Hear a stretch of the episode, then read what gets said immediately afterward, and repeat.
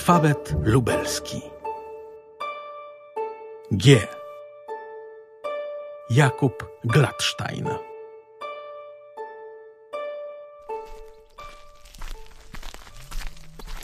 Ulicą Krawiecką idziemy razem z Jarosławem Cmermanem, żeby porozmawiać o kolejnym bohaterze alfabetu lubelskiego. Idziemy ulicą Krawiecką, która nie istnieje, na Błoniach pod zamkiem. Podzamcze przed wojną, dzielnica żydowska, jedna z największych ulic tej przestrzeni żydowskiego miasta, ulica Krawiecka właśnie, zniknęła z powierzchni ziemi. Do dzisiejszego dnia w tym miejscu nie powstały żadne budowle. Stara wierzba patrzy na ścieżkę, którą możemy dojść do miejsca, w którym z kolei za chwilę zobaczymy zdjęcia z tamtego czasu, zdjęcia Stefana Kiełszni.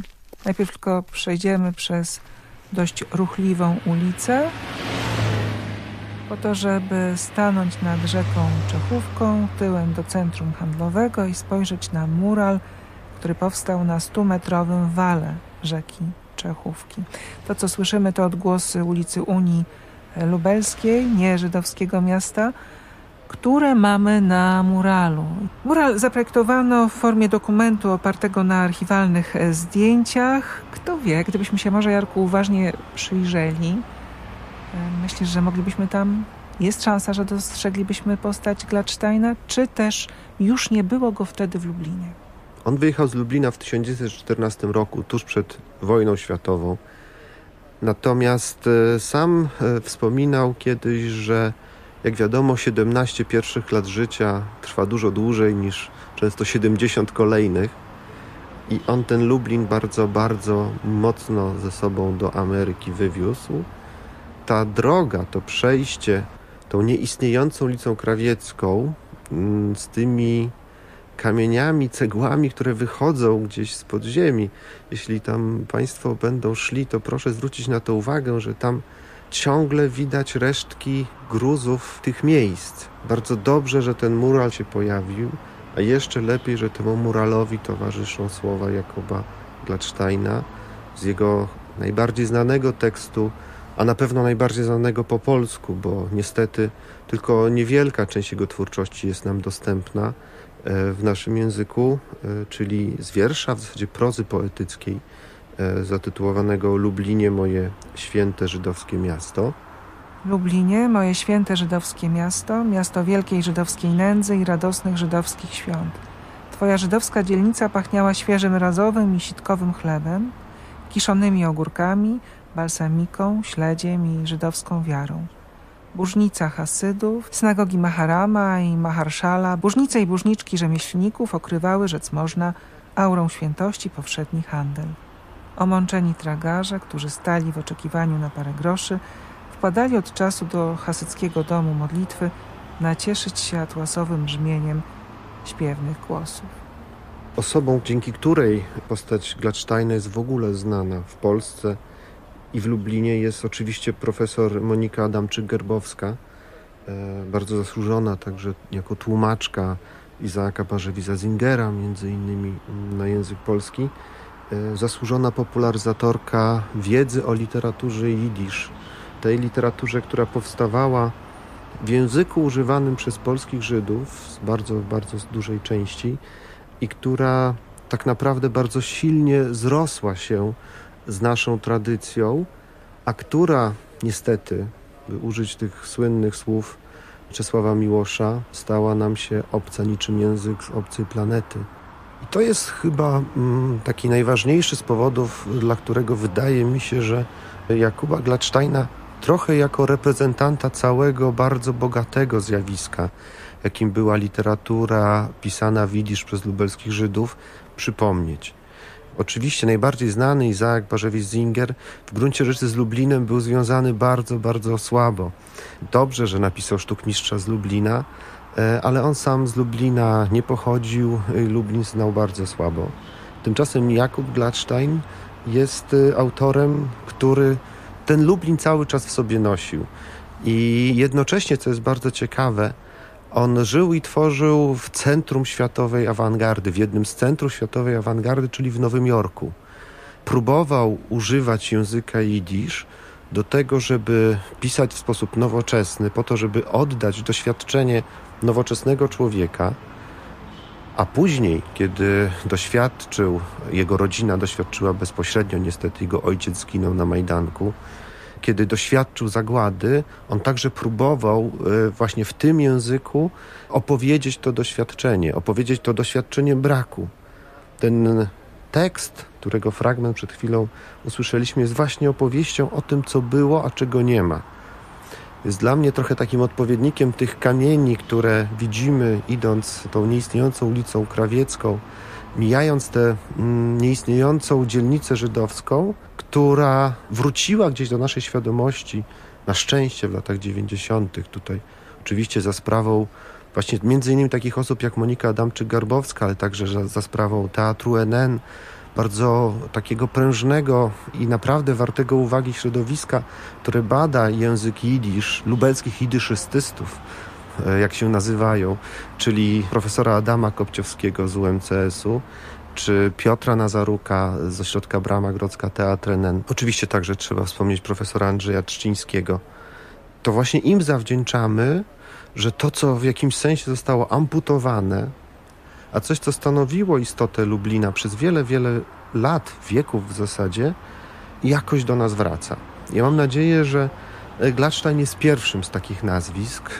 E, za chwilę będziemy poznawać kolejne, zresztą już w tej chwili możemy poznawać kolejne dzięki pracy tłumaczy. Praca tych ośrodków, o których wspomniałem, wspomniałem jest ważna nie tylko dlatego, że możemy czytać te teksty po latach, ale także dlatego, że możemy sobie uświadomić e, coś, co było częścią życia codziennego. To znaczy, że nie jedlibyśmy tych wszystkich chałek i cebularzy, gdyby nie żydowscy piekarze.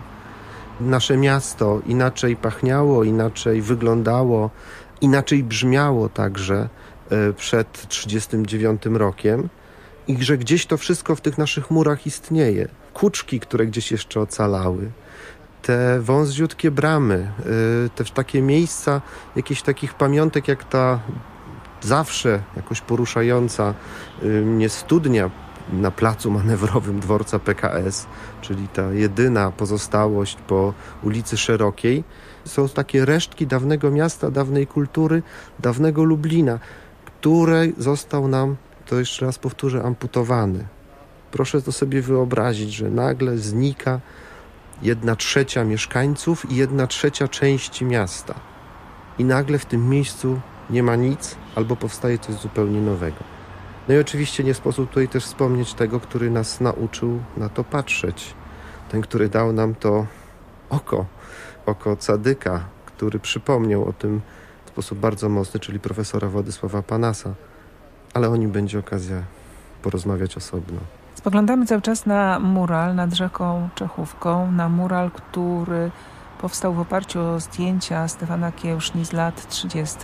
I myślę sobie jednak, że byłaby szansa, żeby ewentualnie dostrzec gdzieś tu Gladsteina, dlatego że on wyjechał stąd wprawdzie w 1914 roku, ale w 1934 przyjechał do Lublina. Powiedz proszę o powodach wyjazdu i o tym, dlaczego tu wrócił. Wyjechał no, z takich powodów, jak bardzo wielu Żydów z Europy Środkowo-Wschodniej wyjechało w tamtym czasie. Czyli za chlebem, no i jednocześnie w takim poczuciu, że trochę zaczyna brakować dla nich miejsca, że narastają nastroje antyżydowskie w naszej części Europy.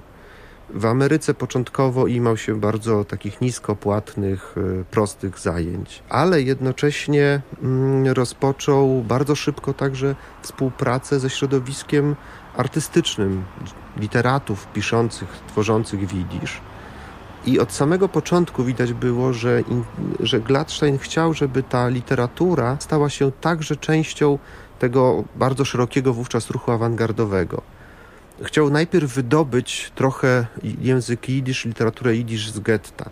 To znaczy z tematów żydowskich, z żydowskiego folkloru, żydowskiego obyczaju i pokazać to jako narzędzie takiego eksperymentu językowego przede wszystkim. E, chciał, żeby ta literatura stała się po prostu literaturą nowoczesną, po to, żeby stała się środkiem wyrazu tego, co nosi w sobie.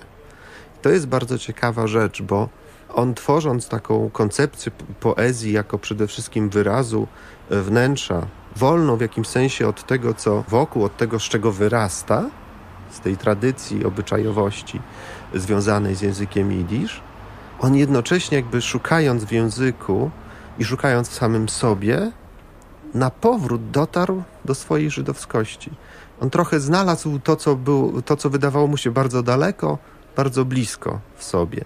I kiedy czytamy nawet ten tekst właśnie poświęcony Lublinowi, to widzimy to, że on posługując się taką dosyć surową, chwilami trochę zgrzytającą nawet, w tym nawet tłumaczeniu to widać, takim zgrzytającym językiem.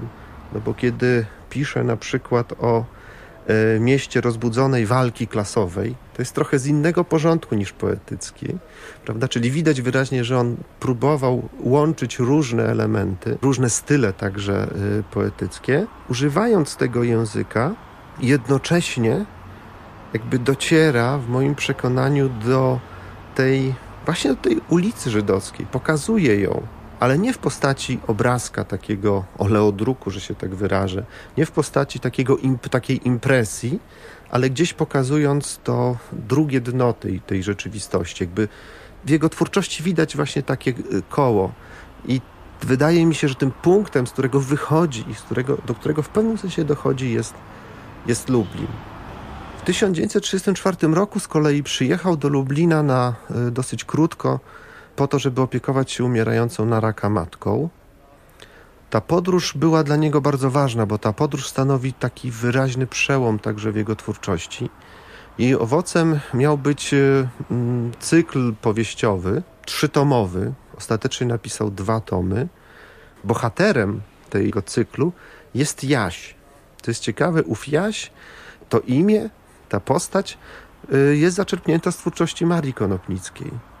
Tam pojawia się między innymi odwołanie w tej powieści do wiersza A jak poszedł król na wojnę oraz do takiego wiersza Jaś Wędrowniczek y, właśnie Marii Konopnickiej. To pokazuje to, o czym wspominałem, ten niezwykły wzrost tych naszych dwóch literatur, tych naszych dwóch kultur.